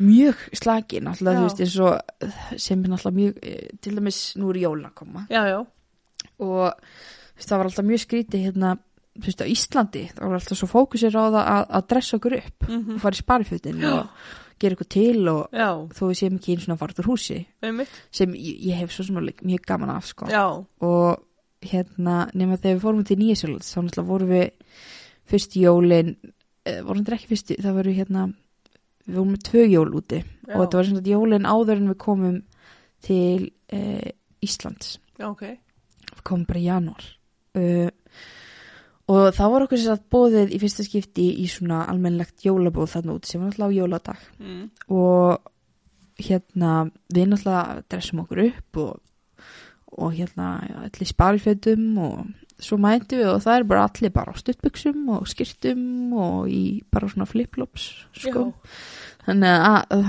þú veist, það var svona og ég man líka eftir því þegar ég kom síðan til Íslandu eftir þetta ég Mm. fekk bara menninga sjokk sko. já, já, það já, en þá náttúrulega er ég kom úr fymtabæk úti Já. það náttúrulega var, sko, það var ótrúlegt það var aldrei neitt svona drama já, ok í vinahófnum mínum og við vorum bara já, þú veist, að leika okkur og hafa gaman já, nema ég man reyndar í eitt skipti það var þegar ég flutti fyrst sko já, náttúrulega kunni ég ekki rosalega mikið ennsku já, já og hérna það var einhver stelpa sem var að- að spyrja mig bara þú veist, ætlar að koma hingað mm. Þú veist, þetta er að gerast, þú veist, ég kom með þér já, ég, ég veit ekki hvað þetta tala um og svo ég held náttúrulega að tala um það, hún byrjaði síðan alltaf að öskra á mig af því ég skildi ekki hvað hún var að segja þú veist, og ég bara, ég veit ekki hvað hún meinar hvað Já. þetta tala um, já, hvað, hvað viltu mér og það endar þannig að ég fer bara með henni og ég veist ekki hvað ég ætti að gera Heru, þá var hann að draga mig á kóræfingar og hérna hann mjög fyndi og ég hérna svona eftir á sko sem hafði áhrif á mig bara mjög lengi að ég hérna sem sagt það var alltaf að vera að velja eh, þú veist hverju voru í háuröndunum og hverju voru í láguröndunum það var alveg löngu setna þá var nú alveg farin að skilja já, hvað er í gangi já, já svo hérna var ég sett sem sagt í háuröndunar mm. og þessi stelpa var sett í lágu Mm. og ég náttúrulega alltaf bara að lappa mínum hóp og bara nei, nei, nei, nei, þú ert að vera með mér já, nei, nei, já, nei, nei já, að vera hér, nei, nei, nei, þú heitir vittlust, þú ert hér ég man alveg skýrt eftir Já. því nákvæmlega hvað Já. hóp ég var sett í en það endaði þannig ég bara, ok, ég bara er alltaf í lárættunum grilla Já. og ég bara held að lengi vel að ég bara gæti ekki sungið hátt eða þú Já. veist, eftir þetta sko já, og fyrir en ég fór bara í söngnám og fór meira sér bara í kvíkmyndskólum sko já þú veist, að þá fyrst voru bara eitthvað, ó, Hm, þetta bara- geti ég ég get þetta bara já, það er bara bara búin ótrúlegt að sko. festa það hann niðri já, og svo hérna kom ég til Íslands þá var allt í hennu bara stelpur að kalla hverju aðra bitch og þessi gerði þetta og þessi skildi þessa út undan og ég bara skildi ekkert hvað var í gangi sko. já, það er ekkert svona nei, allavega ekki á þessum aldrei sko. svo veit ég náttúrulega ekkert þú veist, ég fann náttúrulega bara í fjórða og fymta bekkarn úti já, já, en samt, þú veist bara upplifir þetta að hana Já, og þannig að og ég held að það er svo sem líka alveg hjálpa mér, ég er, myndi segja að ég er ekki mikið fyrir það ennþá í dag og já, reyna að styðja ekki við þetta og svona rugl. einmitt finnst þér að mikið um þetta hérna heima svona innelti og Þú veist, já, þú veist, ég skriðinni náttúrulega, og svona þú veist, já, já, ég held að það sé alveg, þú veist, það er náttúrulega rosalega erfitt að komast hjá því í svona litlu bæjarfélagi og það er náttúrulega, þú veist, eh, meiri hluti myndi ég segja batna eru í einhvers konar íþróttum og ef þú kemst ekki að í íþróttum þá Já. getur átt rosalega erfitt já, en þú veist, það er náttúrulega rosalega erfitt kannski fyrir mig að segja því ég lendi svo sem ekkert illa í því mhm, þannig séð sko ég var svona bara svolítið svona flóter svo sem, já, þú veist, var ekki, mér var ekki mikið strikt þannig þú veist, með að við, þú veist, ég var svo sem í vinahóp það sem að var sem sagt einstalpa sem hefði lendur og illa í einelti ok, en var svo sem að vísu ekki í vestmannum já, þú veist, þegar það gerist já, já, að hérna en þú veist, auðvitað gerist þetta já, já, þetta er vandamál þú veist, en ég held bara að hvernig er tekist á þessi mál Já. eh, sé aðeins öðruvísi Já. heldur en þegar ég var yngri einmitt, og ég allavega vona það já, algjörlega, innilega algjörlega, þetta er ekkit verra en, en einelti og svona, ég meina líka á þessum aldrei þú veist, Einmitt, það sem að það sem börn að vera eru að að- mótast, já, og eru bara að átta sig á því hvar þau standa og einmitt, getur átt bara mjög slæm orð eins og við Algjörlega. vitum algjörlega, en hvað hérna, hvað er á planinu í lífinu? bara að lifa Já, Ég held að það sé svona það sem er mikilvægast þú Já. veist að bara já, bara náttúrulega að eh, mjög mikilvægt að elska sjálfan sig og, mhm, og hérna bara ekki gleyma því að við þetta er eh, já, aldrei er góð vísa og oft kveðin, en Já. lífið er stutt sko, já, alveg rosalega stutt einmitt, og bara að því fyrr sem maður átt að sjá því að maður hefur ekkit endalsan tíma og maður veitur nú ekki hversu langan tíma maður hefur að því betra já, þú veist að gera það sem maður vill einmitt, og sjá ekki tíma sínum í ykkur vitleysu, já, ykkur sem skiptir yngur máli Hmm. þú veist og ég reyna að lifa með því sko, ég man nú ekki hvar ég heyrði þetta en eh, það er svona góð mantra bara ef maður, af því maður lendir nú alveg í því að segja eitthvað sem er vandralegt eða gera já. eitthvað sem er óþægilegt eða vandralegt og st- eh, skiptir þetta mál eftir fimm ár já, ef ekki að fokk, skilur einmitt, og það var líka einmitt með útskriftamyndina mína að þetta er náttúrulega rosalegt stress þú veist Já. að þú veist, vita hvernig aðri bregðast við einmitt, en ég var ekkit vissum hvernig það yrði sko já, og náttúrulega rosalega óþægilegt að sjá sig á skjánum Já. sko þannig að manni finnst einhvern veginn oft allt sem maður gerir bara að vera kjánalegt og umulegt og Mm. að hérna að það hjálpaði mér úr svo mikið, ég myndi að hugsa Já. bara þetta skiptir ekki málið til fimm ár, já, þú veist ef þetta gengur illa, þú mm. veist en svo náttúrulega vann ég bara velun fyrir þannig að ég get ekki get ekki verið ánaði og einmitt, það gekk, þetta Algjörlega. gekk allt í lokin sko. já, þetta var bara mjög fínt hjá þér sko, takk, virkilega. takk Og hvað, þorður ekki, eða eh, þorður, horfur ekki á sjálfa þig? ég reyna að komast hjá því Já, að þú veist, að maður er náttúrulega uh, maður er alltaf að vinna í þú veist, sjálfsmyndinu og svona, Já, já. og stundum getur það bara verið skadlegt þú Já, veist, já. ef þú ert að því lengur líka sem þú horfir á þig því meira byrjar að sjá þú veist, eitthvað sem er að já, okkur svona, Þú veist. já, fyrir að bara gaglina strax. já, mann finnst bara, ó, ég var nú alveg ræðileg í Þetta þessu gert betur skoti. þarna og Já. eitthvað svona kæft að. já, þú Já, veist, og já. auðvitað gæti maður gert betur Já, en já. þú veist, þú getur alltaf þú veist, það kemur alltaf setna Já, já, þú algjörlega. gerir alltaf bara, aftur, þú veist Náttúrulega með æfingunum bara. Já, og ég meina þú veist, það er bara, það kemur, Já. þannig að þú veist, þetta er bara, já. En hefur ykkur ráleikinga fyrir þá sem að vilja fara í leiks, leiklistarskóla? Uh, bara verðu, verðu bara duglegur Mm. og uh, kannski eitt sem er svona, ég veit ekki hvort það sé kontroversial að segja þetta, en Já, þú veist að verðu vissum að þú hafir áhuga á leiklist ok. og ekki að fá fræð eða peninga Já, af því þetta er ekki vel borgað nei, og þetta borgar sig ekki strax þú veist, þetta er ekki Já. náttúrulega eins og að þú ert að útskrifast þú veist, sem verkfræðingur mhm, og getur bara að fara og sótt um vinnu skilur já, og þetta er miklu meiri af því að þú veist eins og ég veit til dæmis eh, fengum rúslega góða ráðgjöf í skólanum þú veist, Mm. einmitt að koma okkur í bransan og, og bara sér áfangi fyrir það já, og þá er mitt fengið við, þú veist, og náttúrulega kennarinn okkar hafa rætt þetta við okkur og þú veist að að hérna það komið sér inn í bransan því bara að uh, mikið, margir sem útskrifist til dæmis úr svona hinum og þessum leikskólum Já, þeir skrifuðu bara niður bara leista hverjum það langaði að vinna með já, bara leikstjórar og leikhús og ég veit meina til dæmis sem bara hún var útskrifast úr London úr skóla Já. sem er því miður ekki leiku til ok, um, uh, Þórun Erna Klausen já, og hún er mitt mætti bara neyri í þjóðleikhús og sagði bara við, ég manni hvort það var þjóðleikhússtjóri sem var þá já, mörgum hún síðan og var bara að segja bara já, ég er að útskrifast núna úr þessum skóla í þessum námi og ég er rosalega klárið til sem ég geri Já.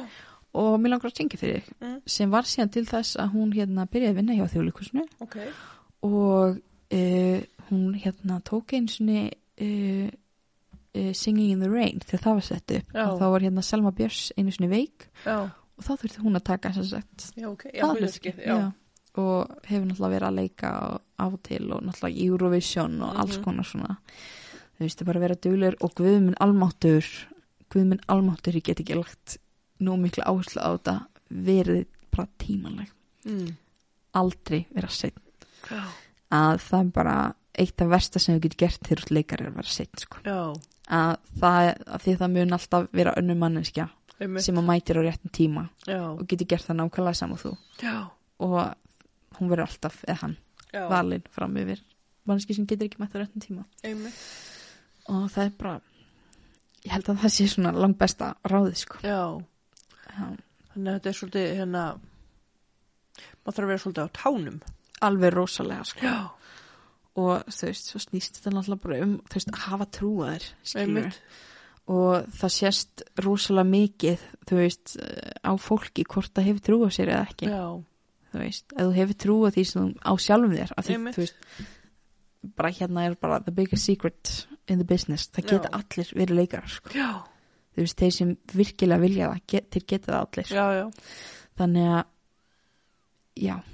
verður tímalega, það trúar, já, bara svona aðal. já, og bara vera ófeimin og, Já. En þú veist, svo er náttúrulega bara, já, að því að, þú veist, það er um fylta leikurum sem geta verið fimmnir og Já, já. alls konar, alls konar raskanir og, Já, já. þú veist, þannig getur alveg verið fimmil leikari, en einmitt, þú veist, þart samt alveg að geta sleft, sleftir, sko. já, þannig að þetta er bara spennandi, Mjög spennandi tíma framindan, mjög spennandi tíma já, og er ekki fjölskyldan stolt, Jú, heldur betur sko já, það er bara mjög ánæð sko af því að það var nú ekki að búast við þessu þú veist að maður er bara þú veist, þú veit að kvikmyndiskólan sé ótrúlega flott í skóli já, já, að þá er hann ekkit, hann er kannski fyrst núna bara aðeins að koma sér inn á bara markaðin sko Já. að ég var alls ekki að búast við þeim móttökum sem ég fekk frá Já, ok. fjölskyldu og vinum og já, og ég er bara með mjög mikla hlýju og gleði í hjartanu og Já. bara mjög stolt af mér já, bara æðislegt, ertu með ykkur að sögu svona í loki fyrir okkur? sögu í lókin ég eða eitthvað loka orð bara ég veit það ekki um, elskaðu sjálfa þig og svo kemur allt setna já, ég held að það sé bara bara góð loka orð já, bara í alvörni Já. það að elska sjálfa sig er svo mikilvægt og það er bara ekki nóg mikið talað um það einmitt, hvað það er hvað það gerir mikið mun já, þú veist að setja sjálfan sig í fyrsta sæti af því já að það skadar engan sko nei, nei, ef þú elskar sjálfa þig já, skadar aftur á móti mjög marga að þú gerir það ekki já, já tekstu það alveg, úst að bara eða þurftir ykkur aðstof við það eða úst, já, ég meina, maður er náttúrulega alltaf að já, þú veist, náttúrulega það er rosalega erfitt náttúrulega, maður er alltaf að læra eitthvað nýtt með Einmitt. sjálfa sig algjörlega og þú veist, eins og maður segir, maður vil kannski ofugsa eitthvað Mm. sem maður sagði sem var kjánulegt eða, þú veist, eitthvað, ef maður er eldur og maður móðgæði eitthvað Já. eða eitthvað skilur einmitt, en þú veist það er bara þú ert, það eru bara allir eins og þeir eru já, þú ert bara þú, já þú getur ekki breytt hver þú ert mhm, þannig að það er betra bara að eigið ekki meiri tími í það að hata sjálfan þig eða, já setti sig við það og halda áfram já, já, að það er ekki allir skilja ást og virðingu Já, það algjörlega. er bara þannig Það er bara mjög fallið lóka orð. takk, Bara takk kærlega fyrir að koma já, takk fyrir mig og hérna aldrei að vita nema ég pikki í þig aftur og sjá hvað þú ert stödd í heiminum ég, og lífinu. Ha, ég mæti, bara gangið er ótrúlega vel takk fyrir og ég krossa putta og, og, og tásur og allt fyrir, fyrir hérna niðurstöðum í, í yngungu hérna prófunu. takk fyrir, Já, þetta er spennandi þetta er spennandi, virkilega. Bara takk hella fyrir. Nú fáum við að heyra lesi brot úr dagbók Agnesar Agard um jólahald 1878. Agnes sem hétt fullu nafni Agnes Matilde Adelaide Agard fættist 1851 og lést 1929. Agnes var húsfreyja í uppsölum og síslumannsfrú. Hún held dagbók hluta af dvölin í eigum þar sem hún lýsir dvölsinni hér. Einnig fá við að heyra brot úr fórum Árna Árnássonar símritara um fyrstu jólatrískepturina í Vestmannegjum. Heimildir voru fengnar á heimasló.is, þetta sögubrot er í bóði bókasaps Vestmannegja. Lesið úr dagbók Agnesar Agard. Um jólahald Vestmannegjenga segir hún. Svo skemmtilega venja er hér á bæjunum að á jóladag er ekkert um að vera. Þó flestir hafi þá farið í kirkju til að hlýða á messu, er samt lesin lestur þegar heim er komið. Snemma er gengið til náða, en ljósin eru ekki slögt. Kertin eru látin loga þangað til að þau eru brunnin upp. Aðfangadag jóla er allstaðar svoði hangikjöt og á jóladagsmorgun fyrir messu er það borðað. Á jóladagskvöld er borðaður hrísgrunagrautur með rúsinum og heilum kanil. Sama er endutekið á gamláskvöld. Alla hína jóladagana spila menn á spil og heimsækja hver annan. En frásögn Agnesar um fyrsta jólatrið og jólatriðsfagnaðin er á þessa leið. Á jóladag 1878 voru við signi önnum kapnar við jólatrið. Það var eins bert og hönd mín, hvergi sást á því barr. Ætlurinn hafi verið að þekja það með lingi, en Frosti kom í veg fyrir að hægt var að ná í það. Halfu mánuði áður hafði ég náði lítilsáttur af lingi með því vöðu við toppin. Þó að það væri ljótt og visið var það þó betra en ekki neitt. Við signi höfðum á hverju kvöldi í heila viku verið önnum kapnar við að búa til skraut og þegar við höfðum loki við að skreita tríið fannst okkur öllum það sérlega snoturt. Þið ættu bara að vita hvernig við rændum öllu sem til var í húsinu til þess að við getum gert pappiskraut sápu, kaffibæti, súkulæði. Við tókum allt. Því mamma hafi ekkert sendt af slíku. Klukkan sex borðum við steikt kindakjött og drukkum með því spænst rauðvin. Síðan fórum við öll þrjú til messu og mér er óhætt að segja að aldrei hafi sest slíkir kirkjugestir. Við signið voru svolítið örar. Myrt var af nóttu og snjór á jörð. Leiðin lá um eintómar þúfur og hrösum við um þær hvað eftir annað. Loks komust við í kirkjuna og í stólan okkar. Kirkjan var uppljómuð og mjög snotur. Við skildum ekkert af ræðunni og salmasöngurinn var þetta kvöld hræðilegri en nokkur sinni áður. Við þorðum ekki að líta á hvert annað til þess að kýma ekki. Um leið og messunni var lokið flýttum við okkur heim, eins og fyrri duttum við hvað eftir annað og lofa ég mér því að ég skildi ekki bráð fara í kirkju. Það er eins og öfumæli. Þegar ég kom heim kveikti ég á jólatrinu og tók litla gunnar minn á arminn. Það er ekki hægt að lýsa gleði barnsins. Hann dansaði á handlegnum og vildi blása á kertaljósin. Hins vegar var Dótó þögull. Hann fekk örk nóa en Gunnar blístru. Signe fekk nokkra smámunni og hún gaf mér fallegan bolla með nafni mínu áletruðu. Þegar við slögtum á jólatrinu fengum við okkur kaffi og spjöllum síðan þanga til tími var komin til að ganga til náða. Jólamorgunin færði signi okkur te á rúmið. Klukkan tvö borðuðu við morgunverð og læknirinn borðaði með okkur. Um kvöldið átti aftur að kveikja á jólatrinu fyrir 11 gestkomandi börn. Þau komu klukkan fjögur og læknirinn, Bjarnasen og kona hans. Fyrst gáfum við þau heimt kaffi, síðan var hleypt inn þar sem jólatíði stóð og voru þau alveg undrandi yfir þeirri sjón sem þau sáu. Engin hér á eigunni hefur nokkru sinni fyrr sé jólatri og öll voru þau stór hrifin. Við gáum hverju barni smáhlut sem við höfðum gert, auk fléttar að krossa, rósa og slíkra muna. Veitingarnar voru piparnetur, rúsinur og brjósikur sem Marius hafi svoðið. Ég held að kvöldi hafi verið öllum ánægilegt. Þetta var fyrsti jólateinsvagnarinn í eigum. Minning Árna Árnarssonar símritara.